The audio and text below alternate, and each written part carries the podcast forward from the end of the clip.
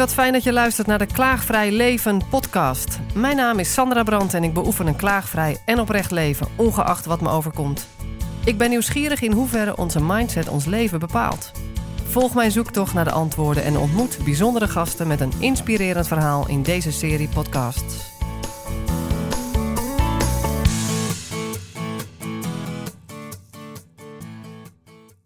Ik ben Charo, Charo Duran. Welkom. Dank. En ik zit aan jouw tafel. Ja, hoe fijn is dat? Ik word zo blij van jouw gezicht. Fijn. Een fijne centrale opmerking van je, dankjewel. Ja, daar zitten we meteen diep in de stof natuurlijk. De centrale opmerkingen, daar gaan we alles over horen. Eh, ik ken jou, wij kennen elkaar van de cursus eh, Stem, eh, Adem en Lijf. Ja. Met de polyvagaaltheorie als achtergrond ja, kennis of basis erbij. En dat sprak me natuurlijk enorm aan, want ik ben helemaal uh, voor kennis over de polyvagaaltheorie en vooral dat toepassen in het dagelijks leven. En het leek me zo fantastisch om met jou daar gewoon een gesprek over te hebben, een ontmoeting. hoe, hoe die kennis ons helpt in ons dagelijks leven. En daar hebben de luisteraars waarschijnlijk een heleboel aan. Want ik vind het gewoon bijna verplichte kennis voor iedereen. maar eerst even jij en introductie van jou en ik zou zeggen, doe het lekker even zelf, zoals jij jezelf wil voorstellen. ja, um, nou. Even denken, ja, wat zal ik eens vertellen? Ja, nou je, je, je, heerlijke uh, werk. Ja. Dat komt ook niet zomaar ergens vandaan. Nee. Um, even kijken. Ja, dus nu werk ik uh, uh, met stem. Nou, laat zeggen, ik werk met mensen en, en daarin is voor mij heel erg een mooie uiting van wie we zijn. Onze ziel als mens, maar ook gewoon hoe we leven als mens. Hoe we, wat voor persoonlijkheid, wat voor karakter, wat voor overlevingsmechanismen we hebben aangeleerd. Het is allemaal te horen in de stem. Um, daarbij gekomen is ademhaling. Uh, dus ik hoorde net mijn eigen ademhaling al, hoor ik al gelijk zo terug. Oh ja, dan wil ik zo, is die natuurlijk een beetje ongemakkelijk om eens een microfoon bij me te zitten en wat te vertellen. Uh, Daar ben je meteen bewust van, hè? Ja, ja, en mijn ademhaling is dan wat hoger, is wat dichter, hoorde ik hem net zo. Um, mm -hmm. Dus uh, ja, ademhaling is daarbij gekomen. Dus bewustzijn van ademhaling van mezelf, maar ook bij andere mensen dat kunnen horen en zien. En ermee kunnen werken. Um, niet alleen om de ademhaling tussen aanstekens beter te krijgen, maar mm -hmm. hoe we de ademhaling kunnen gebruiken. Om ons, nou ja, om, om onze ervaringen te beïnvloeden. In het zogenaamde ademwerk, wat ook telkens bekender en populairder is nu natuurlijk. Nou ja, heel, heel specifiek in het traject wat, hè, wat ik nu begeleid, waar ik jou van ken. Uh, maar ook in het werken met andere mensen, waar ik niet altijd bij benoem. De polyvagaaltheorie, waar ik zelf zo nou, drie, vier jaar geleden mee, uh, mee in aanraking ben gekomen. Ben je er ook zo idolaat van als ik? Zeker. Ja, ja, ja. Ja, dus, dus, dus toen ik dat voor het eerst hoorde, volgens mij zei ik het ook in het traject, hè, dat ik dat zo op een zeer, zeer dorsaal moment hoorde. Toen ik uh, op de zolder lag in mijn eigen oude huis, waar ik toen nog met mijn ex in woonde. Uh, en ik echt helemaal niet meer wist waar ik, uh, wat onder of boven was, wat links of rechts was. En ik helemaal me verloren voelde. En die podcast hoorde en het echt inknallen van, Oh. Een podcast over de polyvagaaltheorie. Podcast van Deb Dana, van Tammy Simon, Sounds True. Heel mooi platform. Veel mooie interviews met Deb Dana inderdaad, waarin zij vertelde over de theorie. En uh, ik, ik voelde al, oh, oh, maar als dit zo werkt dan. Dus heel veel viel op zijn plek voor mij. Wat toen in die scheiding aan het gebeuren was, wat er met mij daarvoor was gebeurd, of wat er in mijn hele leven was gebeurd. Uh, wat ik bij andere mensen altijd zag, maar nooit helemaal kon plaatsen, omdat het dan vaag was, want ik voelde het alleen maar. Ja, oké, ja. dat is natuurlijk zo alleen maar mijn subjectieve ervaring. Mm -hmm. um, ja, dus ik vind het heel mooi om dat te betrekken in mijn leven. Zo is het eigenlijk eerst, het is gewoon eerst in mijn eigen leven geweest. En daarna pas eigenlijk meer in mijn werk. Ja, en even voor de luisteraars, we gaan straks alles uitleggen over de polyvagaaltheorie. Nou, ja. jij doet dat, want jij doet dat heel goed. Ik kan het ook hoor, maar jij kan het beter, vond ik in de les. en uh, Deb Dana is natuurlijk uh, schrijfster van het boek die we hier ook voor ons hebben liggen, maar dat komt ja. straks allemaal. Eerst even ja. jouw verhaal. Ja. Dus jij uh, op, op de zolderkamer had die podcast en begreep veel beter ja, eigenlijk je reacties, je gedrag op intense gebeurtenissen en begreep ook veel beter wat er gebeurde bij anderen, wat je eerder ook wel zag en voelde, maar nu kon je beter duiden en plaatsen. Ja. En je bent dat gaan ja, gebruiken ook in je werk. Ja. Ja. Ja, dus kijk, dit, dit is wel mooi wat je zei. Je zei net van vertel eens iets nou, over je werk. Dus in die zin, mijn werk hangt voor mij heel erg samen, altijd heeft samengehangen met wie ik ben. Of hoe ik me voel als mens.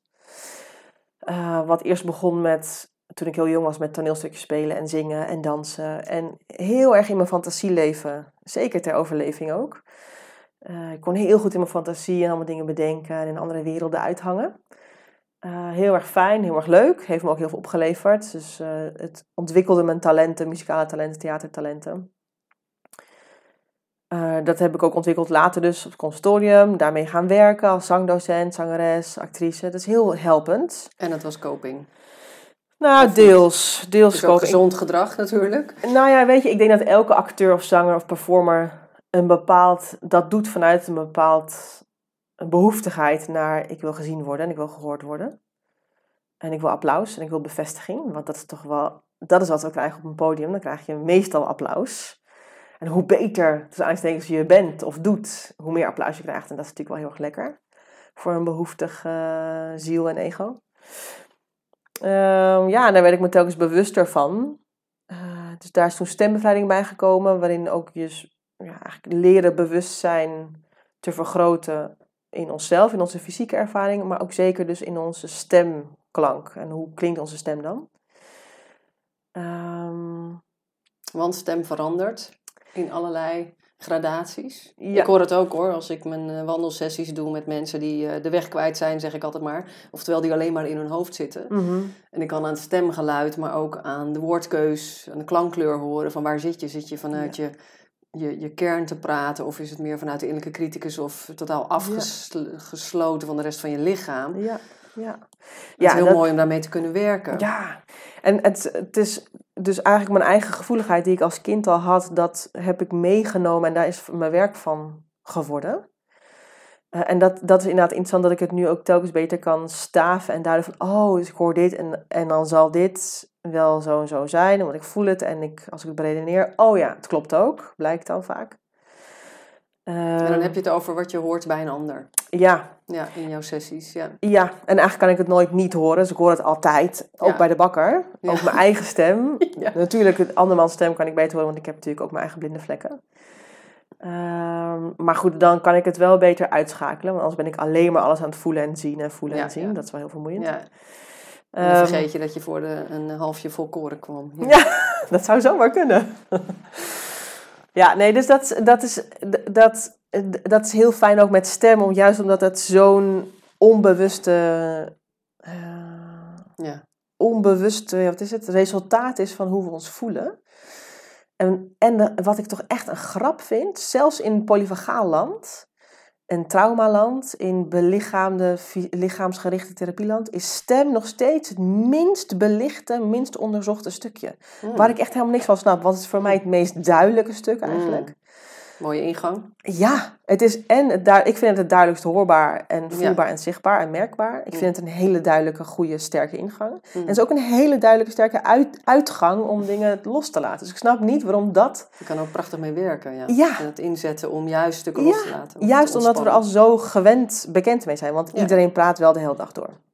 En nu noem, noem je even... Oh, sorry. Wou je nog iets hierover zeggen? Nou ja, dus, dus eh, ehm, wat ik dus zo. Oh, was ik? eh, ja, dus voor mij is het heel helder te horen in de stem, omdat het zo direct wordt bepaald hoe we ons voelen. En dus, als we het door de polyvagallens bekijken, ons autonoom zenuwstelsel bepaalt dus ook de kleur van onze stem. Ja. Of de snelheid van ons praten en ook de adem. Hè. De stem is dus, dat, wordt, dat is een trilling die wordt gemaakt in onze stembanden omdat onze lucht van onze longen daaronder die stembanden laten trillen. Ja. Dus het het heeft hangt alles met adem te maken. ja, het en is. spierspanning. Ja. Eh, ehm, en de, reg- de regulatie of dysregulatie in ons systeem, hoe ons adem werkt, dus hoe onze stem klinkt. Ja. Dus het is eigenlijk, als, als we niet eens kunnen horen aan de adem of niet kunnen zien aan de adem, kunnen we het wel gelijk horen en zien aan de stem. Ja. Sommige mensen praten heel monotoon. Eh, sommige mensen praten altijd zo, omdat ze ja, de ruimte niet helemaal kunnen innemen. En, eh, Of sommige mensen praten altijd zo, altijd overheen. Uh, of uh, ja, heel hoog. Nou, het zijn, uh, dan, eigenlijk kan je, gelijk, kan je bijna gelijk zeggen, nou diegenen zijn niet geaard en je zweven heel erg. Of, dus het is gewoon heel, ja. heel En ik heb de neiging te denken, kom eens even terug. Dus dat is grappig. Dat heb ik dan bij die mensen ook. Of ja, ik, ook bij, bij mezelf, hoor ik het ook wel. Ja. Dat het eigenlijk veel fijner is om naar mezelf of naar een ander te luisteren als je voelt, diegene is er helemaal. Ja, dus dat is het interessante aan met stemwerken. Dat we, vaak hebben mensen wel op een gegeven moment door van, hé, hey, ik word niet gehoord. Ja. In overleg ik nooit gehoord. Of Ja. mijn partner hoort niet, of mijn kinderen, of dat. Of mijn moeder, of mijn vader. Oké, ja, dat, dat kunnen we dan ook, kunnen we, hè, kunnen we heel psychologi- psychologiseren, over hebben. We kunnen ook gewoon kijken naar de stem. Hoe gebruik je stem nu? Kunnen we daar bewust van worden? Wat ligt daar aan ten grondslag? Daar misschien wat energetisch, emotioneel, whatever in werken. Misschien ook mentaal begrip erop hebben. En hoe kunnen we dan de stem anders gaan gebruiken? Ja. Soms heel theoretisch. Als je deze spieren zo aanspant, gaat je stem zo klinken. Dan voel jij je meer contact met jezelf en dan word je ook meer gehoord door de ander. Ergo, er is meer contact. Ha, fijn. Even heel kort gesteld. ja, ja, ja, ja. Of, oké, dus je zou meer geaard willen klinken. Of je zou steviger willen klinken. Oké, dan kunnen we bepaalde dingen doen, zodat je steviger gaat klinken. Ja. Ja, aarde. ja. Nou, dat is een mooie introductie. Ik vind hem helder. Eh, en ik wil meteen Fijn. door, merk ik. Dat, dat wilde ik net al. Maar eh, Vertel. ik- dat komt dat ik gewoon eh, zin heb om, om verder met die polyverhaal te gaan. Ja, ja, Het ja. is nogal een... eh, eh, hoe heet het? eh, Een grote kluif. Nou nee, ik, ik zit hem alweer in de staat van de polyverhaal te, te voegen wat ik nu aan het doen ben. Want ik ga sneller praten. Ik, eh, ik word een beetje in de... Nou, welke staat noemen we dat? Ja, er komt een Sympathisch. vleugje bij. Met een sympathisch vleugje. Nou, nou hebben we alle termen wel gehad. Voor de oplettende luisteraar hebben we al ventraal gezegd, dorsaal gezegd en nu eh, sympathicus gezegd. Eh, dat zijn de drie staten waar we het over gaan hebben. Eh, jij sloeg ook nog even het woordje in traumaland aan, een lichaamswerkland. Nou, en dat heeft allemaal ook verbinding met de polyfagaal theorie. Ja, ben je er klaar voor om... Nou, eigenlijk inderdaad zou ik zeggen dat alles heeft verbinding met polyvagaal. Of alles kunnen we bekijken door de lens van polyvagaal. Echt alles. Bij de bakker, hoe de bakker werkt, in ons, eh, hoe we ons school vormgeven en educatie. In families, eh, interrelationeel, alles. Op al- sporten, alles kan je door die lens bekijken. En maakt het super interessant om daar meer over te weten en te begrijpen en te kunnen inzetten. Mhm. Dus um, iets over uitleggen, is dat Mhm. eh, nu fijn? God, dan moet ik het nu natuurlijk wel goed uitleggen. Ehm, ik wil gelijk wat sympathische energie in mezelf komen. Ik ga ook anders zitten, mijn handen worden actiever. Ja, ehm, We doen het gewoon kort. En dan kunnen Kort. mensen altijd het boek De Polyfagaaltheorie in Therapie eh, lezen, geschreven door Deb Dane. ja. Of eh, zoals ik het fijn vind om te luisteren. Naar de podcast van haar. Er zijn heel veel podcasts, interviews met haar en Stephen Porges, de, de grondlegger, de wetenschapper die de theorie heeft eh, nou ja, gevormd. Ja. Ehm, ja, Spotify, YouTube, et cetera. Ja, dus de theorie gaat over, ehm, over ons autonoom zenuwstelsel. Eh, een grote groep zenuwbanen, zenuwbanen door ons hele lichaam, die verbonden zijn met ons hersenen. En eh, eh, wat we wisten, het sympathische gedeelte van het autonoom zenuwstelsel en het parasympathische gedeelte, dat, daar, dat er nog een, nog een distinctie in is eh, aan, te, aan te merken, is dat het woord? Nou. Ik Ehm, vind van wel. Ja. bij deze. Ehm, dat het parasympathische gedeelte uit, of uit twee gedeeltes bestaat. Daar zal ik zo nog iets meer over vertellen. En dus het autonoom zenuwstelsel dat bepaalt voor 80% onze ervaring van ons leven, kunnen we eigenlijk wel zeggen. En het werkt samen met de hersenen. Dus het is niet het oude idee top-down. De hersenen, onze gedachten bepalen onze lichaam, onze beweging en onze ervaring daarmee. Maar eigenlijk 80% van wat we ervaren Het gaat andersom. het gaat andersom en het gaat dus heen en weer. Dus het correspondeert met elkaar. Het gaat op en neer, op en neer. In plaats van alleen maar top-down of misschien alleen maar down-top. Het gaat eigenlijk heen en weer. Maar het meeste komt vanuit ons, ehm, ja, de neuroceptie, wat een term is uit de polyvagaaltheorie. Dus wat we kunnen voelen, opmerken, ervaren. Buiten het brein om. Bui- buiten het cognitieve breingedeelte om. Dus het gaat eerst naar ons zenuwstelsel, naar ons lichaam. De prikkels. Die we van buitenaf of binnenaf of tussendoor krijgen. Ehm, hè, dus, dus dat bepaalt onze levenservaring op mentaal niveau, fysiek niveau, emotioneel niveau, misschien ook energetisch, spiritueel niveau. Ehm, Eh, Dus dat wat we opmerken met ons lijf, zeg maar, met ons zenuwstelsel, nog Ja. voordat het in de hersenen aan is gekomen eigenlijk. ja, ja. En dan gaan we daar vervolgens betekenis aan geven. Ja, omdat we betekenisgevende wezens zijn. We willen verhalen, we willen begrip. We hebben ook deze cognitie gekregen, dit bewustzijn in ons hersenen. Eh, dus we maken verhalen ervan. Ik zit even te denken of ik helder ben in de uitleg ervan. Ik vind van wel. Oké. Ehm, ja, en, en dus de staat waarin ons zenuwstelsel is, zijn, is- eh, Stephen Porges determineert drie staten grofweg. Een ventraal-vagale staat, sympathische staat en de dorsaal-vagale staat. De ventraal- en dorsaal-vagale staat zijn delen van de parasympathische tak. En de sympathische is van het sympathische gedeelte.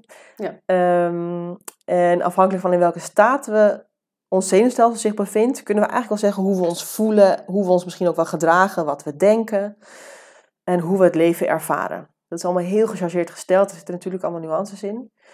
Ehm, Maar we houden hem even. laat het even groot, eh, groot Ja. stellen allemaal. Ja. En daarin zie ik meteen die ladder voor me. Die is wel fijn als mensen dat nu ook even voor zich zien. Ja, ja, dus er is, een, er is een letterlijk in het lijf, dus is het ventraal-vagale staat wat meer de bovenkant van ons torso bepaalt en ons gezicht, ons stemklank, ons gehoor, beweging van onze mond, eh, het bovenste gedeelte van ons torso.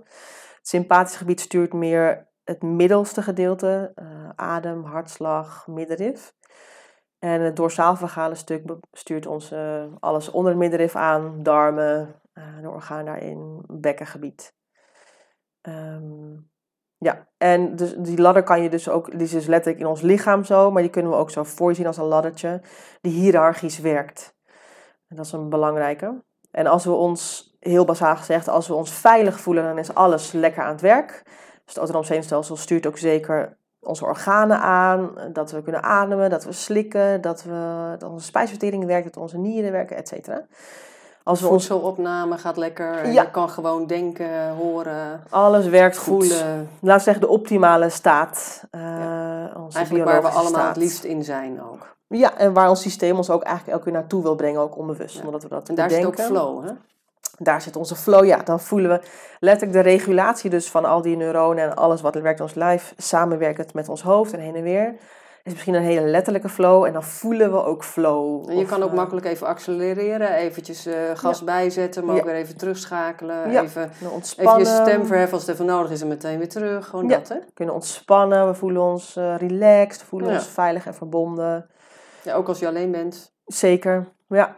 Ehm, dus dan, dan zit je in de ventraal-vagale staat. Ja, nou werkt en daar komen goed. ook de gedachten bij die daarbij horen. Tenminste, ja, daar ben ik mee aan het oefenen in mijn leven. Ja. Om het te herkennen. Ja. Want daar zitten liefdevolle gedachten, daar zit zelfrespect, daar zit liefdevolle gedachten over anderen, over de wereld. eh. Daar zit berusting, daar zit, Ja. daar zit creativiteit voor mij tenminste. Heel bloeiend gevoel. En daar is ook gewoon rust in het niks doen. ja, ja.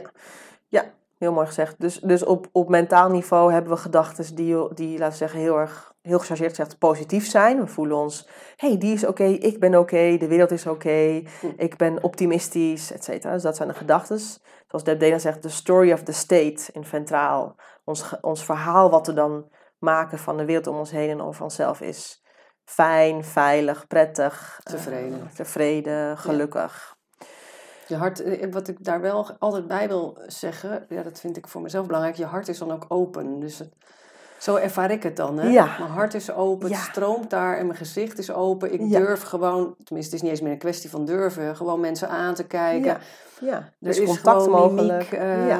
Ja. er is duidelijk mimiek, open gezicht. Ja. Dus dat hele sociaal betrokkenheidssysteem, zoals ze dat noemen, dat gezicht, Ja. dat, dat werkt helemaal lekker Ja. vrij. En, ja. eh, Dus dat wordt allemaal aangestuurd door het ventraal-vagale gedeelte inderdaad. Dus wij kijken nu elkaar aan, onze wenkbrauwen gaan omhoog, onze ogen staan open, we hebben een soort glimlach. ja, we bevestigen elkaar. Ja, we En praten, we geven, knikken. We geven elkaar ventraal-vagale signalen. Dus we Ja. geven elkaar veilige signalen. Ja, ja. Let's go, verder. Ehm, en het bepaalt dus ook onze fysieke staat. Hè? Dus, we voelen ons, dus we voelen ons kip lekker. Eh, we, we kunnen eh, goed presteren, als in we kunnen... eh, eh, stevig de dag door, we hebben niet pijn in ons buik. Hè. Dat zijn allemaal, Mhm. fysiek zijn we ook lekker, lopen we lekker. Dat is goed en, gesmeerd. eh, ik kies ook veel makkelijker voor gezonde voeding of een tijdje even niet eten. Ja, Eh, ik durf veel makkelijker mijn kwaliteiten in te zetten en eens een keer wat te proberen, omdat ik me veilig voel. ja, ja. Hè, dus dan zit ik meer op het stukje en durven experimenteren van iets nieuws in de wereld zetten. Of gewoon eens proberen met die directeur een afspraak te maken. Geen enkel probleem. Behalve je misschien een beetje spanning, maar Die daar kan kan, je ik hebben. eigenlijk gezond mee dealen. Ja, Ja. ja. Dus, dus dat zijn de mentale laag. Ook de emotionele laag noem je al een beetje. Dat je je dus goed voelt. Je hebt vertrouwen in jezelf. Eh, de fysieke laag is, is, is, loopt lekker. Daar voelen we ons goed in. Eh, ook spiritueel kunnen we ons dan verbonden voelen Ja. met het goddelijke. Zeker. Of je voelt een aanwezigheid met een ander. Of je voelt je verbonden met de ander. Ook al ben je op afstand. Ja. Eh, de energie voelt goed. Het, je, de bloemen zien er mooier uit dan de dag daarvoor bijvoorbeeld. Ja. Als je, toen je misschien anders voelde, in een andere staat was. Dus op al die lagen zijn dat de... Laten we zeggen, zo ziet het eruit als we ventraal zijn. Ja. Zo kan het eruit zien op al die lagen. En ik merk ook dat ik dan bewuster gebruik kan maken van manifestatiekracht, magie.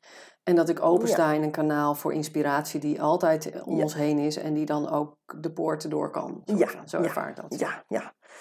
Dus dat zijn hele mooie woorden die inderdaad voor jou bij het ventrale vagale stuk horen. Waarschijnlijk voor wel meer mensen. En iedereen heeft zijn eigen bewoordingen daar natuurlijk een beetje voor. En dit is allemaal als ons ventraal, als we in de ventraal vagale staat uithangen. Als die online is. Als dat alles mooi kan besturen en alles lekker laat reguleren. Ehm, en dat is als we prikkels van veiligheid ervaren. Zo mooi, Steven Borges hoorde ik laatst ook weer zeggen. Eh, veiligheid is niet het gebrek van prikkels van onveiligheid, Ja. maar is ook bewuste prikkels van veiligheid te ervaren. Ja. Ehm, dus dat, is een, dat, is een, dat lijkt hetzelfde, maar is Nee, het niet. niet, nee. Dus ook al is er geen oorlog in Nederland, ook al heb ik misschien een inkomen, alsnog kan ik me heel onveilig voelen, om even zo groot te stellen. Dus een prikkel van veiligheid is daarvoor nodig. Dus bijvoorbeeld iemand die naar me glimlacht en dat ik prettig vind en dat ik ook fijn terugglimlach. De narcissus die hier op tafel staan.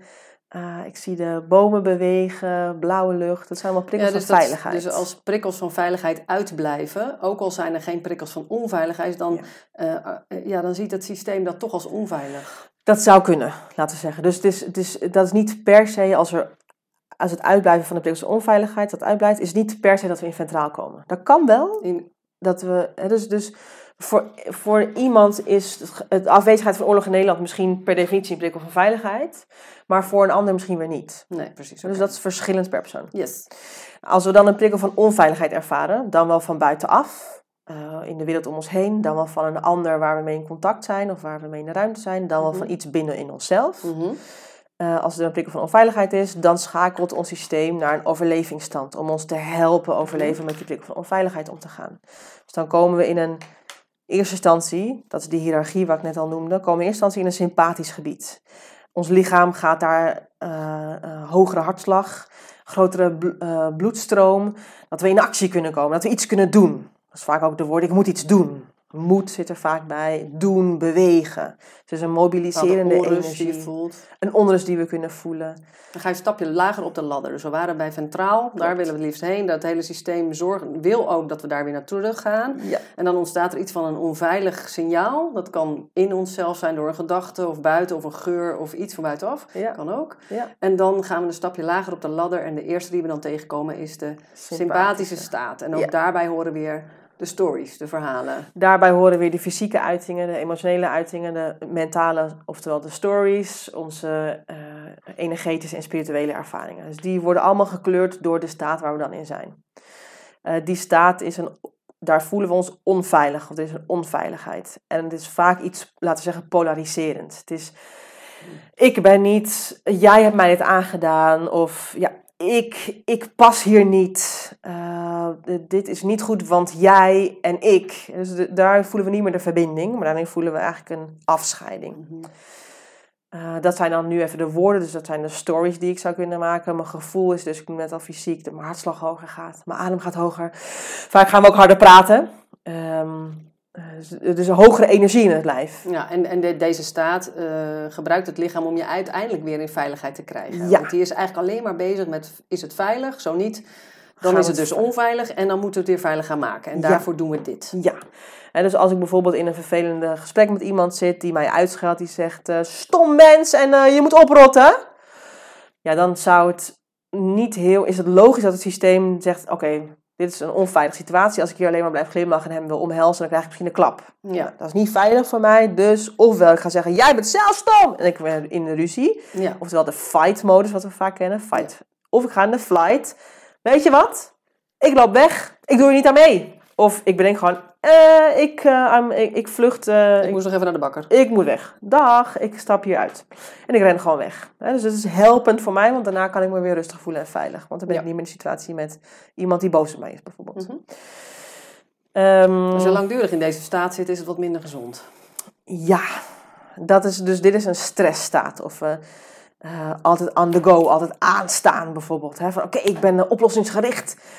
Kom op maar met een deadline, dan ben ik op mijn best. eh, wat Ja. mensen, wat je vaak hoort. Dat Of kan ik- ook, Of ik ben nou eenmaal iemand die de lat hoog legt. Of bijvoorbeeld. ik ben een perfectionist. Ja, dus dat zijn allemaal, dat zou ik kunnen zeggen, zijn uitingen van dat we in een sympathische staat zijn. Ja. Die heel goed kunnen zijn, want we kunnen dan snel, hè, fight, we zitten in een fight modus. Ik knal mijn eh, thesis eruit nu in deze deadline. Kan werken, maar het is heel erg fijn voor het systeem, zoals je net al zei. Ons systeem wil ons terugbrengen naar ventrale tijd. Dus we willen het niet de bedoeling dat we er altijd uithangen en altijd moeten zijn. Dat we falen als we er niet zijn.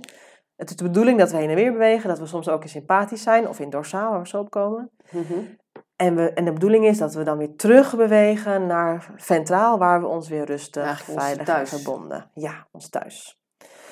Ehm, nou, veel van, van er zullen vast mensen die dit horen denken, oeh, ik, ik sta ook altijd aan. Of wow, ik eh, ben eigenlijk de hele tijd aan het presteren onder druk. En eigenlijk best wel moe en ik schiet wakker om zes uur 's ochtends ook. Als mijn wekker niet gegaan, ik ben Of eigenlijk moe. Of s'nachts Niet in slaap kunnen komen. niet in slaap kunnen komen. Ik heb altijd een anxious gevoel. Nou, in, Ja. in het Engels hoor je, ik vind het bizar hoe vaak je in Engelse interviews anxiety hoort.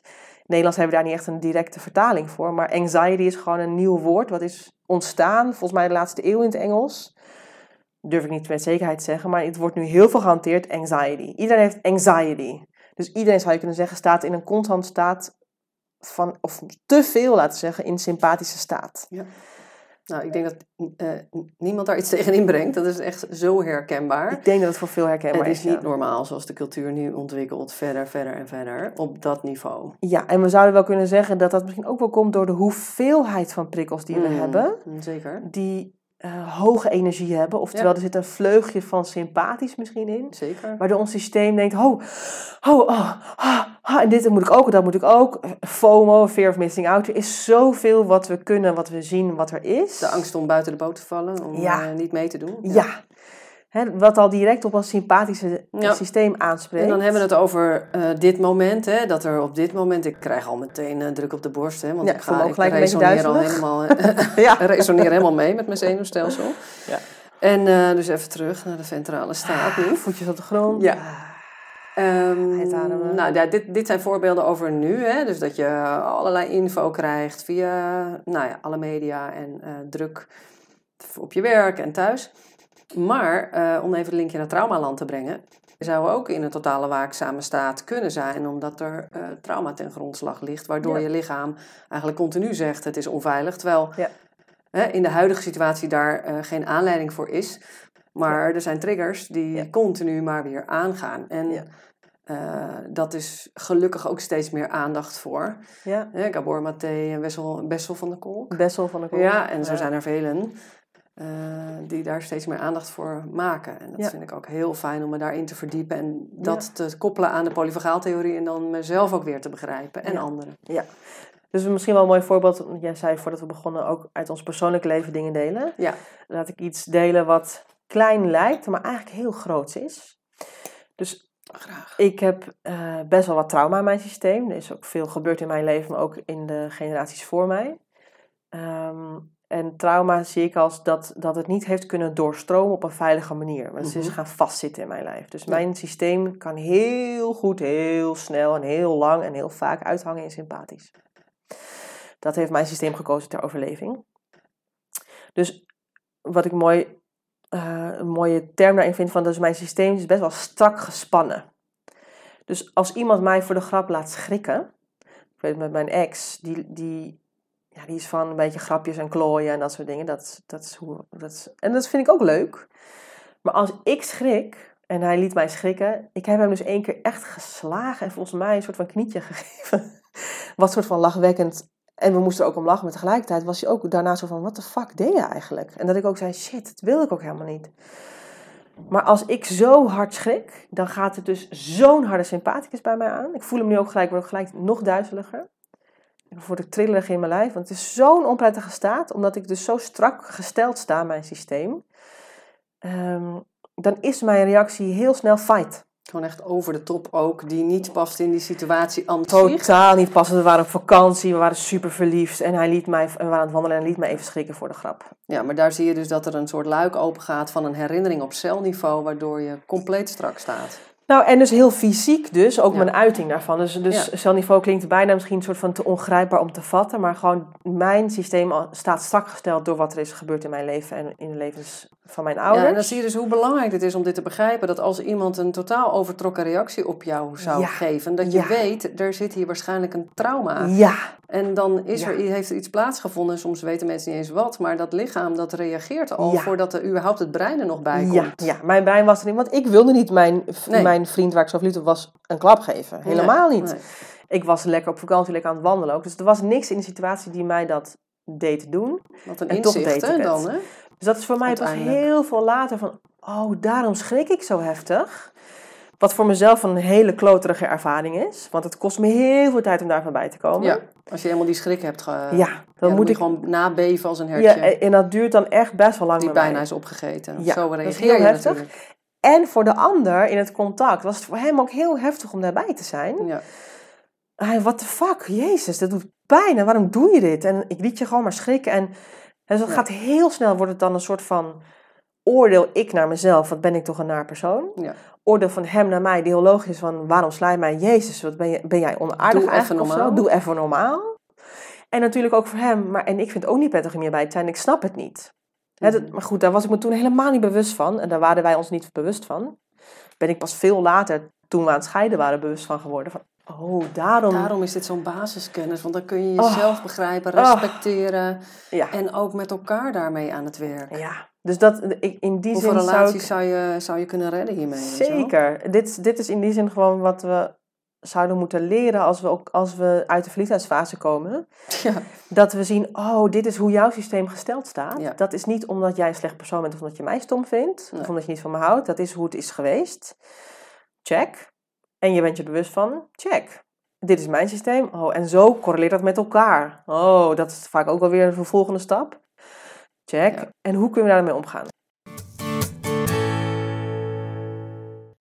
Als sympathisch niet voldoende is om ons te beschermen van de onveilige prikkel. Van uh, buiten, van een ander of van onszelf. Dan schiet ons systeem door naar het dorsale gebied. Dat is de, dat is de hiërarchische ladder. Dat, zo werkt het bij iedereen. Hoe lang we in sympathische uithangen verschilt per persoon. Uh, sommige mensen hangen heel kort de sympathische uit, omdat ze hebben geleerd dat dat echt niet werkt. Dus die schieten snel door naar de dorsaal bijvoorbeeld. En die kunnen daar lang uithangen. Uh, Baby's? Dat zou kunnen. Ja. Die alleen worden gelaten, laat maar huilen. Ja, ja, en als ze dan lekker lang slapen en lekker stil zijn en je merkt niks. En ze zijn zo lekker stil en ze zijn lekker met zichzelf bezig. Maar dan zitten ze in dorsale staat. Zou kunnen dat ze in dorsaal zitten. Dat weten we natuurlijk niet zeker, verschilt per, verschilt per mens. Uh, dat zou kunnen. Dus dorsaal is een staat waarin eigenlijk uh, veel uitschakelt in ons lichaam. Dus ook onze lichaamsfuncties. Dus onze hartslag wordt vaak lager. Uh, de adem wordt oppervlakkiger of heel lang geen ademhaling, in- of uitademhaling. Um, maar mijn systeem ontspant wat op een fijne manier, maar dus ik merk ook dat mijn stem wat daalt, wordt wat zachter. Uh, dorsale staat kan ook gewoon zorgen dat je bijna geen geluid meer maakt. Dus spijsvertering ligt plat? Spijsvertering uh, ligt plat, dus ofwel we krijgen diarree, omdat het gewoon niet meer verwerkt wordt, of het gaat helemaal constiperen. Dus de opname van voedingsstoffen is waarschijnlijk ook een stuk slechter. Zeker. Dat neem ik dan aan. Ja. En ik hoorde ook dat de doorbloeding in de hersenen ook vermindert. De zuurstoftransport, ja. waardoor je minder kan voelen en minder uh, kan denken om je te beschermen. Dus je houdt je eigenlijk dood, je hele systeem, hè? Ja, ja. dus het is het letterlijk de play dead, wat... Uh, het is dus ook het oudste deel van ons zenuwstelsel in de ontwikkeling, de evolutie van, van de mens, van het zoogdier dat we zijn. En dit noemen ze soms ook wel dan het reptiele brein of het hele oude stuk waarin reptielen soort van helemaal even uitgeschakeld kunnen lijken. Zodat de, de predator die de prooi wil eh, opeten. Misschien denkt, hé, hey, die is koud, die is al dood. Dat vlees ga ik niet meer eten. Dus het is een mogelijkheid voor ons. Het helpt ons om in leven te blijven. Dus is ook dat is weer een, een uh, verdedigings... of nee, beschermingsmechanisme van ons lijf. Goed dat het er is. Um, ja, want het is ook belangrijk, dat zegt Dana ook, dat we er vooral liefdevol naar kijken, naar deze mechanismen. Ja, het kan zomaar worden dat we, dat, dat, we, dat we kunnen gaan denken, dit is slecht, dit is niet goed voor mij, wat stom van mij, dit is niet helpend, dit moet weg. Nou ja, dat, dat, dat jij dan een knietje gaf of een klap gaf, dan kan je dus ook weer een soort uh, stressreactie naar jezelf op die staat gaan brengen. Maar daarmee redden we het ook niet, zeg maar. Nee, nee, nee. Want dan doe je stress op stress. Ja. Dus de kunst is om dat eerst liefdevol naar te kijken. Van, dit is wel een methode om mezelf weer in veiligheid te brengen. En ook die dorsale staat. Ja. En om, om liefdevol naar onszelf te kijken, hebben we iets van ventraal nodig. Dus er mm. is nodig dat we dan al naar een ventrale staat zijn gekomen of zijn geholpen door een ander om er liefdevol naar te kijken. want, dat als kan in eerste instantie niet. Als je echt doorzaal zit, dan uh, heb je die mogelijkheid niet. Nee, dus het voorbeeld van het knietje bijvoorbeeld. Hè? Dus wat er daarna gebeurde, ik weet niet meer precies de situatie, maar ik voelde me zo kloot over mezelf. Ik kon dat niet helemaal uiten, want hij dacht ook, wat de fuck is met jou in de hand? Hij is, hij heel lief geweest, want hij is niet bij me weggegaan gelijk. Maar um, hij dacht wel van, jeetje, het is wel echt heftig hoor, wat jij hebt. Misschien moet jij wat aan jezelf doen of zo. Wat niet een heel veilige prikkel voor mij was op dat moment. Wat gebeurde, ik kan niet helemaal het uiten bij hem. Dus ik kan niet me ventraal verbinden. Vechten werkt ook niet, want dan dat doe ik een pijn. Ik kan niet weg, dan zit hij op de camping. kan niet vluchten. Dus doorzaal is de volgende. Ja, en, en dat, dat herken ik ook van mezelf. Wat gebeurt er dan? Ja, dan, dan is, heb ik dus geen connectie meer met de ander. Omdat ik mezelf het eigenlijk niet toesta om te voelen. Dus dan, want het doet te veel pijn, want dat is niet veilig. Dus dan kom ik met gedachten, nou, misschien moet ik het maar uitmaken. Ja, die werkt ook gewoon niet. En dit is helemaal niks. En weet je, ik, uh, ik ga gewoon in stilte zijn. En, uh, want dan kan ik in ieder geval niks verkeerd doen, tussen aanstekens. En als we niet praten, kan hij ook niks verkeerd doen. En dan kan het niet mij nog pijnigen. Dus dan ben ik gewoon in stilte en dan ben ik helemaal weg. Ja. Ben ik nog wel misschien let ik op die campingstoel, maar eigenlijk ben ik er niet. Nee, gedissocieerd ook. Ben ik gedissocieerd en, en soms, gedachten zoals het komt nooit meer goed of het zal toch niet meer goed komen. Ja, en dit werkt niet. En, en ook de gedachte is van misschien moet ik maar gewoon geen relatie hebben, want als ik met iemand ben, dan gaat het altijd mis. Ja. Um, hè, dus de gedachte zijn de stories bij die staat. Ja, en onze gevoelens is dat we soms dus emotioneel niks voelen. Soms is het een soort van leegte. Um, ik voel niet heel sterk. Um, voelen ons eenzaam, dat kan wel. Dus, eh, we voelen ons alleen. In zo'n staat zie ik mezelf in een kooi, in zo'n vogelkooi zitten waar ik niet uit kan. Ja, ja, ja, ja. Dus daar zit misschien ook wel dus niet uit kan, dus hoor ik ook gelijk in. Dus, dus ik wilde wel uit, dat misschien al richting een beetje een soort van lichtelijk misschien de freeze richting het sympathische vleugje, of niet? Nee, als ik echt doorzaal zit, dan zie ik mezelf in een vogelkooi zitten en dan kan ik er gewoon niet uit. Dus ook niet... Dan wil je er ook niet uit? Nee, dat, dat komt niet in me op of ik eruit wil. Oh, nee, het is gewoon einde van de wereld. Ja, ja. Een einde van mij. En, uh, ja, en dat zal ook altijd zo blijven. Ja. dat hoort ook als je echt doorzaal zit. Dan, uh... ja. En het wordt ook inderdaad ook heel, zo het wordt van mij lethargisch. Dus dan ja, dan kan je uren op een stoel zitten of in je bed liggen. Oh ja, want, dat heb ik nog gelukkig niet, maar wel zo'n fatalistische... Ja, er zit gewoon letterlijk geen energie, of te weinig energie, levensenergie om in beweging te komen. Die is er niet. Dus dat is het dorsale gebied. Dat is helpend. Hè. Stel dat we, bijvoorbeeld in voorbeelden van als we, nou, als we in een gevangenis zitten. Ik kan niet vechten, blijven vechten, want ja, die gevangenis blijft dicht, letterlijk. Ik kan niet vluchten, want ik zit hier opgevangen, opgesloten. Dus ik moet ja, als ik alles blijf voelen, is het te heftig. Dus het moet ergens voor me uitschakelen. Dus het is een overlevingstactiek.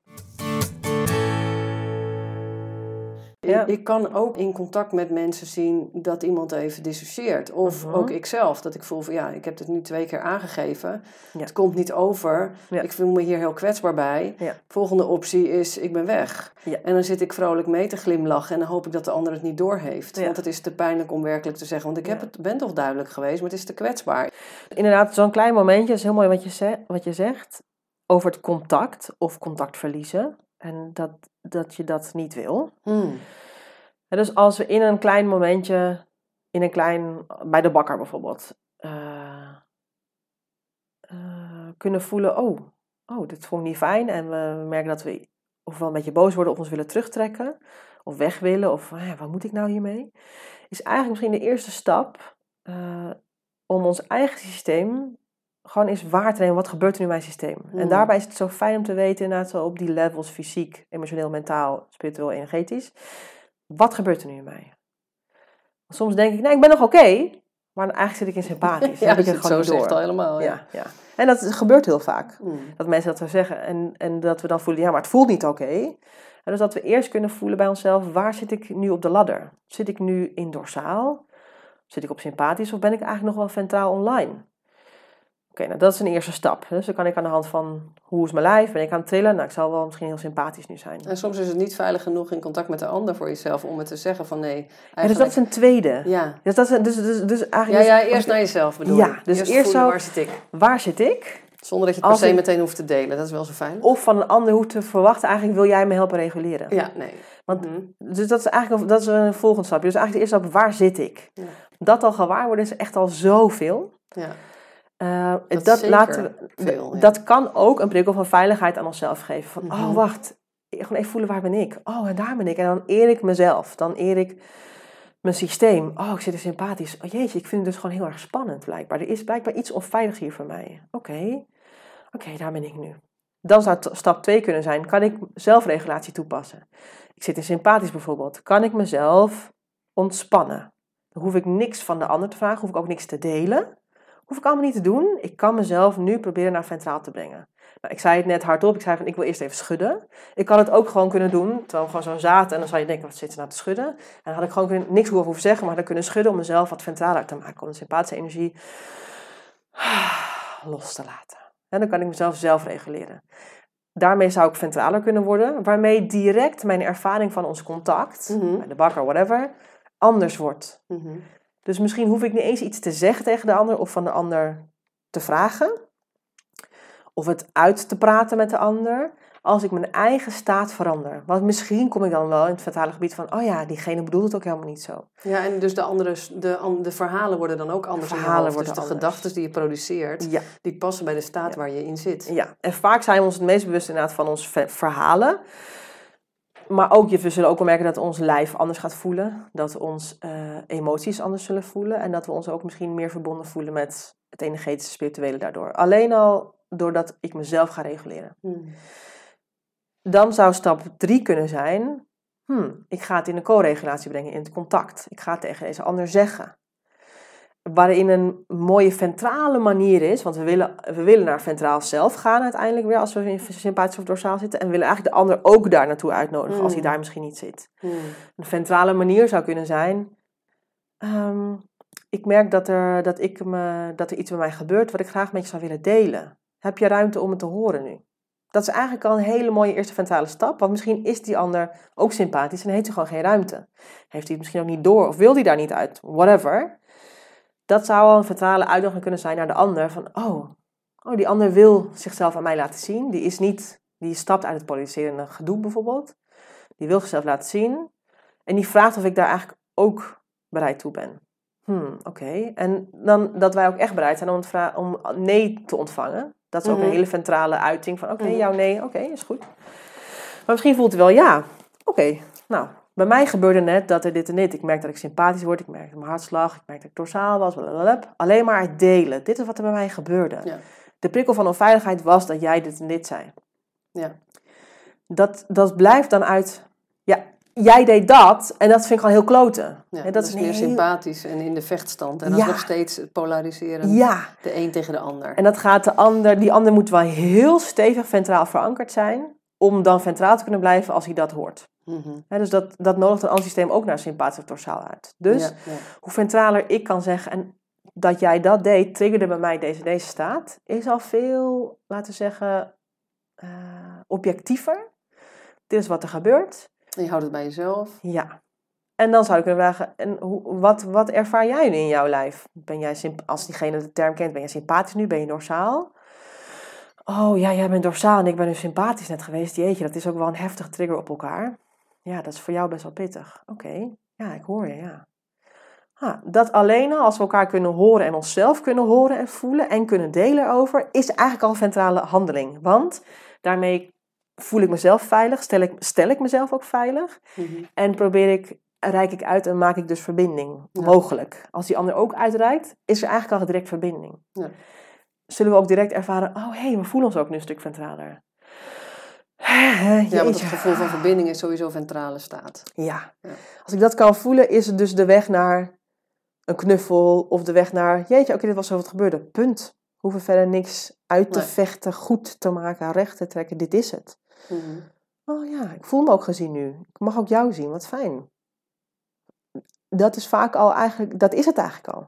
Ja. En wellicht komt er nog een soort van, zou jij voor mij in het vervolg, als ik mij sympathisch voel, mag ik dan jou vragen om mij te helpen zelf te reguleren, om in zo'n co-regulatie dat jij mij niet aankijkt, maar dat je dan misschien alleen een hand op mijn been legt. Want mijn schouder vind ik ook heel erg sympathisch. Voor mij een trigger van sympathisch. Op mijn been vind ik het prettigst. Of misschien wil je alleen mijn pink aanraken. Dat, vindt, dat is voor mij het veiligst. Want als ik doorzaal ben, is voor mij alles onveilig. Zou je dat voor mij willen doen? Zou Ja, dat kunnen? ja. In een ventraal moment gevraagd. Dan kan een ander daarop reageren. Bijvoorbeeld, oh ja, eh, dat, wat fijn dat je dat, dat je dat zo zegt. Dat kan ik wel voor je doen. Of, hmm, ik merk dat dat voor mij een van onveiligheid is. Want ik wil je dan zo graag weer goed hebben. Dan wil ik je eigenlijk gewoon eh, mee naar buiten nemen. En alles. Maar oké, hmm, oh, dat is voor jou onveilig. Oh, dus dan kan een heel gesprek weer uitvolgen. Nou ja, hier blijkt al uit dat je wel even tijd mag maken om even goed te reflecteren en te voelen en uit te spreken. Hè? Want ja. in deze tijd waarin alles druk is en er weinig verbinding vaak is met elkaar over tijd om echt even te zitten met dingen. Maar het is zo belangrijk om daar wel ruimte voor te maken. Want in die Ja. verbinding is het per definitie ventrale staat. En dat is waar we op z'n gezondst leven. Volgens mij, daar zit de heling, daar zit, Ja, dat- ja, ja. daar zit eigenlijk gezondheid, Zo, het is mooi wat ik, wat je jou, jou hoor zeggen. Dus ik hoor en ik zie aan jouw gezicht en ik voel dan jouw eh, verlangen tot de mogelijkheid om verbinding. Mhm. En je goed voelen en eh, gezond zijn. En, en voelde voor mijn zenuwstelsel eh, ergens dat jij zei: het is belangrijk dat, dat daar een vleugje sympathisch in zit. Ehm, die wellicht een ander zenuwstelsel zou kunnen triggeren in ook een, een, een trigger van onveiligheid zou kunnen zijn. Van, oh, dit is belangrijk voor haar. Ik moet iets leveren misschien. Of nee, dat kan ik niet hoor, want ik ben echt uh, doorzaal, bijvoorbeeld. Mm. Hè? Dus, dus ehm, Zo snel kan het al werken. Hè? zo snel kan, ja, ja, kan een woordje. Dus, dus dat, dat pikte mijn systeem een beetje op. Oh, het is belangrijk. Oh jee. ja. Vanuit mijn, hoe mijn systeem is bedraad, is bij mij bedraad van... Ik ben heel erg alert op wat de ander wil. En daar moet ik aan voldoen. Ah ja, oh ja. En dus daar gaat mijn sympathische staat aan. En zo, ben, Ja. dat is hoe, zo is het bij mij bedraad. Dat, is, dat kan ik wel een beetje herbedraden. Maar het gaat nooit helemaal weg. Dus ik, Ja, ik moet denken aan een eh, voorbeeld. Ik heb mijn eh, nou, kop van mijn spaakbeen gebroken vorige week. En eh, een, een ervaring gehad die ik helemaal heb uitgeschreven. Die je echt in de polyvagaaltheorie kan plaatsen in, op de eerste hulp. mhm. Waarop een verpleegkundige in een sympathische staat tegen mij zei... Laat die controle nou gewoon los. Je kan gewoon de controle loslaten. Laat die armen Ja. los. Nou, niks Ja. in mij dacht. Ik kan nu de Mm. arm loslaten. Dat is niet veilig. nee. En later kwam er een andere verpleegkundige aan de andere kant van me staan. Die legde haar handen op mijn arm en het was helemaal volledig veilig. En ik kon langzaam die pols loslaten. Ja. Eh, en ik heb hier, dit heb ik helemaal uitgeschreven. En de leidinggevende gebeld van de eerste hulp en gevraagd, sta je daarvoor open? En toen Mhm. zei ze, nou, we doen het altijd via de communicatieafdeling. Is het een klacht of wat is het? Dus dat was al vanuit de sympathicus. Dus ik Ja. heb echt gezegd, nou nee, ik werk niet vanuit die terminologie. Ik zou alleen willen weten of je dat zou kunnen ontvangen, want het is Ja. mijn ervaringsverhaal. Ja, ja. Nee, dat, dat was dan goed. Zei ze, maar wil je dan ook antwoord? Of, eh, dus er zat elke keer weer die sympathicus tussen, merkte ik. En ik probeerde dat elke keer heel Was dat zacht in hoe de toon of in de woorden? in de woorden en de toon. Ah ja, ja. Ja. Dus ik probeerde elke keer zelf bewust zacht te blijven. En mijn terminologie heel eh, bewust kiezen. ja, ja. Van nee, ik wil het juist niet naar een afdeling of een systeem sturen. Ik wil het Ja. naar jou persoonlijk sturen, mits je, of mits, maar als je het prettig vindt om dat te lezen, een ervaring. Ik hoef geen uitleg, eh, ik hoef geen excuses, want daar gaat het mij helemaal niet om. Het is ook geen Ja. klacht. ja. Nou, en toen langzamerhand viel het kwartje bij haar en werd zij meer ontspannen. En zei ze, ja hoor, ik wil het ontvangen. Ja. En, eh, en toen pas heb ik het ook gemaild naar haar. Ja, mooi. Maar, ehm, dat, dat was echt werken om, eh, om eh, uit dat systeem denken en uit eh, goed-fout denken Ja. te, te ja, goed fout is heel sympathisch. Ja, Wij, zij, goed fout. Nou, de termen slecht of beter probeerde ik ook altijd wel bewust uit te blijven als ik aan het werk ben met mensen. Ja. Want anders dan haak ik in op hun sympathische staat en word ik zelf ook een beetje sympathisch. Ja. Terwijl ik wil ze eigenlijk uitnodigen om in een andere bril te kijken, namelijk ventrale bril. Is het helpend voor jou? Voelt het fijn? Voelt het onprettig? Of welke ontwikkeling voel je? Of meer dat soort woorden. I- Ja, in ieder geval niet, oh ja, dat is inderdaad beter. Ja. Heel die goed. ogen die je erbij hebt ook. Ja, ja dus ik voel, ik, ik voel me bijvoorbeeld heel, heel onveilig. Kan ik telkens bewuster ook voelen als, als ik ergens in een sessie of ergens aan, als ze zeggen heel goed. Dan denk ik, Help. kak. Dan kan ik dus ook iets heel erg fout doen nu. Dan moet ik dus echt heel erg opletten. Dat is heel Ja. onveilig voor mij. Ongelooflijk hoe dat werkt, hè? Ja, en, en daar ben ik me telkens bewuster van, wat ik fijn vind. Want op zo'n moment kan ik tegen mezelf zeggen, nee, dat is misschien niet hoe diegene het bedoelt. Ik wil ook niet aan goed of fout voor mezelf. Dus, ah, oké, ik kan het uitademen. Dus ik ben heel snel vaak lang sympathisch. Hmm. Of dat kan mijn systeem heel goed doen, laat ik het zo zeggen. Ja, want Home Away from Home heb je even tussendoor genoemd. Dat is nu wel een mooi moment om die nog even te belichten. Ja, dus de home, dus de home voor in Debdena haar woorden, dus dit zijn haar zinnetjes. Eh, onze home is ventraal. Dat is waar we gezond, dat is waar ons systeem naartoe wil bewegen altijd. Dat is onze biologie. Human nature of uh, zoogdier nature. Ehm, en als we eh, door wat het leven of wat er is gebeurd of door, door de onveiligheden die er kunnen zijn in het leven, want die zijn er nou eenmaal, eh, ontwikkelen we een, een staat, een plek waar we het snelst, na, snelst of het vaakst uithangen naast ventraal. Dus bijvoorbeeld, ik zei al van, ik ben, mijn from home is sympathisch. Dat, daar, daar gaat mijn systeem snel, vaak en lang naartoe. Dorsaal ken ik ook zeker. Mm, Maar, mensen die snel schakelen van die sympathicus hooguit eventjes met één sprongetje benaderen, maar dan direct in dorsaal schieten. Ja. En dat dat hun home away from home is. Ja, dus vooral gedissocieerd rondlopen, bij wijze van. ja, Even zwart-wit en dat kan, maar de grap is, dat, dat is het interessante bij eh, het dorsaal. Eh, ik heb dus een keer teruggekregen van, ja maar, ik ben, eh, ik, ik heb nooit klachten, ik zeg niks, ik ben gewoon stil en dat is eigenlijk veel beter. Zei ik, ja maar, of is het eigenlijk, ben je gewoon heel dorsaal? En denk je dat dat inderdaad het beste is, want dat is jouw beste overlevingstactiek, is het gewoon eigenlijk heel dorsaal, omdat jij je eigenlijk ook zeer onveilig voelt in dit contact. Ehm, en, en dus dat wordt vaak, vaak wordt, zo, wordt dorsaal kan sneller worden verward met dat het gewoon rustig en oké is. Ja. Of kinderen die lekker rustig zelf kunnen spelen, die kunnen zo goed zelf spelen. Die zijn gewoon totaal dorsaal, omdat ze gewoon niet, omdat wanneer ze uitreikten en vertale verbinding wilden, co-regulatie, wat we als kind en kleuters zijn we daarvan, is levens, dat is onze eerste levensbehoefte. Ook als volwassenen alleen, dan kunnen we het ook wel een beetje zelf. Ehm, en dat lijkt dan zo rustig, maar die is gewoon eigenlijk dorsaal. En die, heeft Mhm. helemaal, die voelt zich eenzaam, die heeft geen gevoel met, van verbinding met de ouders of met de wereld om zich heen. Maar dat, ja, dus in, Die heeft die eh, veilige responsen dan te weinig gehad. ja, en, en, dan, en dan zeggen wij als ouders, nou, dit is zo goed, jij kan zo goed zelf spelen bijvoorbeeld. Of Ja, of zoals bent- gisteren iemand tegen mij zei van... oh, ik kan prima eh, alles aanhoren qua kritiek en zo... want door mijn pestverleden heb ik een eh, olifantenhuid gekregen. Dat zou zomaar iets heel dorsaals kunnen zijn. Misschien niet, kan ook heel ventraal zijn. Maar dat is soms moeilijk, dus omdat het dus beide deels van de parasympathische tak, waar we meer de rust ervaren, of uiterlijke rust, soms schijnrust. Dus dat is heel interessant. Dus, dus de, eh, waar sympathisch vaak meer opvalt. Dat zijn de, schreeuw, de lelijkerts, de schreeuwlelijkerts, hoe zeg je dat, schreeuwlelijk? Dat zijn de boze mensen, de mensen die op de barricade staan. eh, of de mensen die altijd maar weggaan, eh, altijd maar op pad zijn. Altijd maar, hè, dus Dat, dat waren valt, klagers die zich laten horen. Bijvoorbeeld, dat valt veel meer op. waardoor zelfs nog niet zo opvalt. Dus mijn home away from home is sympathisch. Ja. Eh, hoe kwamen we het Nou, dat was mijn vraag over eh, wat de home away from home is. We zijn al bijna toe aan het eh, afronden van de Het podcast. Dit schiet voorbij, hè? Ja, Maar we zijn ook we allebei helemaal uren over praten. dit onderwerp natuurlijk. Maar dat komt ook omdat het zo voor mij zo functioneel is in het dagelijks leven. En ik zo fijn vind Ja, als ik weer voel wat ventraal vagaal is. En eh, een uitstapje te maken. Afgelopen vrijdag eh, was er nogal een eh, enorme regenbui en storm. En stakingen met busvervoer en zo. Mm. Maar ik had echt voor me gezien dat ik met het openbaar vervoer naar de Op Hodenpijl zou gaan. waar ik een lezing mag geven in mei. In Schipluiden. Mhm. Dat was anderhalf uur met het openbaar vervoer met mijn gipsen arm. En ik had mij voorgenomen om dat de hele weg met een open hart ventraal vergaal te doen. Mhm. En daar had ik me echt op ingezet, daarover geschreven met mijn linkerhand.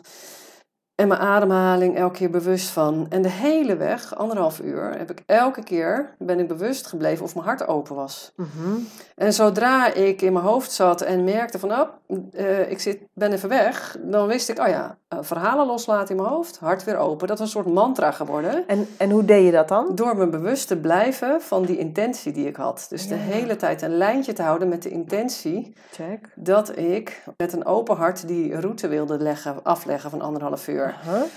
En het is me dus gelukt. En wat gebeurt er in ventraal-vagale toestand? Heb ik als vanzelf een glimlach op mijn gezicht. Dus ik heb anderhalf Ja, ja. uur in het OV, ook met busstakingen en met, deze, met dit enorme heftige weer, ben ik tevreden geweest. Ja, mooi. En elke keer als ik daaruit ging, wist ik, oh ja, verhalen loslaten Oh ja. en open hart weer. Ja. En dan ontspande alles. En dan had ik weer een glimlach. En de bussen, die reden precies als ik het nodig had. En ik heb geen enkel probleem daarmee ervaren. Ja, dus, dus de hele, het beeld veranderde ook daardoor in een gunstig opzicht. De verhalen Ja.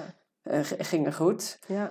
Eh, en de terugtocht wederom. Ik vind het wel heel knap dat dat jou lukte puur door de kracht van de intentie. Alleen de, dus we zeggen op de gedachte mentale laag. Nou, maar dat is ook gevoelslagen. Want het is gedachten die ik ook direct fysiek kan eh, opmerken. ja, van ja, hoe ja. is dat? Hoe voelt dat? En daarmee hou ik een lijntje. Ah, check. En heb daarbij een paar mantraatjes die zo kort mogelijk zijn, zodat ze makkelijk toepasbaar zijn. Dus, oh ja, verhalen los. En die raken misschien aan open. jouw energetische laag. Absoluut, ja. Ja, ja, ja. Dus dat is mooi nog eventjes zo, want ehm, eh, vaak als ik dingen hoor over manifestatie, intentie, is het vaak, wordt het vaak alleen benoemd op de gedachtenlaag. Ja, dat werkt niet. En die vind is voor mij een hele grote trigger van onveiligheid. Daar word Ja. ik heel sympathisch nee, dat van. werkt ook niet. Want dan heb ik het gevoel dat ik faal omdat ik niet sterk genoeg kan denken tegen mijn negatieve gedachten. Nee, nee, nee, nee, nee, maar dat is, ja. En, Snap je? en, en op polyvagaal lens weet ik dat werkt ook niet. Want Nee. ik kan niet cognitief me voornemen dat ik ventraal blijf. Zo werkt het gewoon niet, want mijn systeem gaat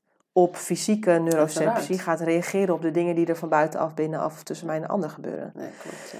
Dus wat ik zelf zo fijn vind, waardoor het zo, voor mij ook zo toepasbaar is, van, oh ja, als ik me dus zo sympathisch voel, is het voor mij echt helpend om drie keer heel lang uit te ademen. Oh ja. Want dan gaat mijn systeem juist naar een meer ventraal gebied. Een langere uitademing helpt mijn systeem om naar ja, het parasympathische te brengen. Liefst dus ventraal, want ik geef ik mezelf iets, ah ja, ik mag uitademen. Dus dat voelt als een veilige trigger van binnenuit. Mm. Gaat mijn systeem naar het parasympathische gebied. Als ik door spanning veel inadem en dan niet echt helemaal uitadem, wat veel mensen wel kennen, kom ik, in, kom ik vanzelf in sympathisch. Terwijl misschien is er niks aan de hand, maar ik ben heel sympathisch, omdat ik gewoon anders ademhaal. Ja. Dus, dus, ja, dus dit is al meteen een tip voor de luisteraars. Ja, van wat zijn wat mooie. ventrale ankers? Hè? Van Ja. Wat helpt jou om een stukje hogerop in de ladder te komen Ja, richting ja. ventraal? Hè? En dat helpt mij dus ook gelijk om dus uit dat strenge oordeel van mijn, mijn intentie, ik manifesteer niet goed genoeg, bla bla bla. Ik kan dat niet. Ja. Nee, dus het voor, mij, heel- voor mij is heel helpend om het op een hele fysieke manier, kan ik langer uitademen. Of misschien ook wat, ah, of ik zing een fijn liedje, een liedje wat ik fijn vind. Of een zinnetje uit een lied wat ik fijn vind. Dit is Mhm. een trigger van veiligheid. Mhm. Ik adem langer uit. Er zijn allemaal lagen zijn de triggers van veiligheid, waarmee ik mezelf kan reguleren naar ventraal. Ja, dus Misschien dat wel leuk om mee te eindigen trouwens in Nou ja, dat is inderdaad een goede om Ja. eh, voor jezelf op te gaan schrijven of zingen of eh, je eigen stijl te vinden, uit te beelden. wat je eigen ventrale ankers zijn. Ja. Dus wat helpt jou, eh, Ja. wat is een signaal van veiligheid? Hè? Voor mij zijn dat tegenwoordig is dat weer een nieuwe podcastlijst die ik gemaakt heb. Die luister ik nu weer elke dag met Mhm. allerlei mantra's. Dat deed ik vroeger nooit, maar dat helpt mij nu dan weer. Ja, ja. Eh, en s'avonds, eh ik heb geen tv, maar eh, geen beeldschermen aan. En echt op Ja. tijd naar bed met kaarsjes eerst. En dat helpt mij. En Ja. die rituelen. ja. En zo heeft ieder zijn eigen dingetjes. Maar je weet van jezelf wel wat voor jou werkt. ja, het kunnen hele simpele dingen zijn. Heel simpele dingen zijn. Narcissen op tafel. Ja. Ik heb een gele muur in mijn huis, wat ik dus heel fijn vind. Ja. Ik heb eh, mijn- mijn Zuid-Amerikaanse spulletjes, waar ik heel blij van word. Ja. Fijne foto's die, die me een fijn gevoel geven. Ja. Ah, inderdaad, Nou, en- en bijvoorbeeld WhatsApp, eh, als ik mijn WhatsApp open, heb ik daar alleen de mensen in staan die nu even voor mij extra Ah, ja. ventraal vagale toestand ja, brengen. mooi. En de rest archiveer ik. ja, mooi. Dat zijn al hele mooie, hele kleine stukjes om ons systeem eigenlijk gedurende de dag dus vaker naar ventraal te laten reguleren. Want daar gaat het om, dat het, dat het terug kan komen naar ventraal. Ja, en ook bepaalde dingen voorkomen, zoals als ik de radio aan zou hebben in de auto, wat ik bijna nooit heb, dat ik hem direct uitzet als er wordt gesproken. Want, Ja, want ja. dat zijn allemaal, is allemaal informatie die ik niet kan eh, eh, controleren, wat er dan weer allemaal op mijn trommelvlies komt. Maar Mhm. Dat, dus dat ik zelf kies wat komt er op mijn trommelvlies en op mijn Ja. netvlies. Ja, ja. Want ja. voor het weet ben je alweer verstoord en ben je alweer weg, weet je? Ja, ja. Nou, Mm. dat was maar even een podcast, hé. Ja. Zullen we nog drie keer uitademen met z'n allen? Ja, De mensen die luisteren. Op jou. Om eh, iets ventraler misschien met z'n allen te worden. Is goed? Dus dan ademen we in door ons neus of mond. Mhm. En dan ademen we uit door een open mond. Helemaal leeg. Er niks meer over is. Nog een keertje. Adem in. Door een ontspannen open mond. Helemaal leeg. Hartslag wordt al rustiger. Nog één keer. Misschien wel lichte zucht erbij.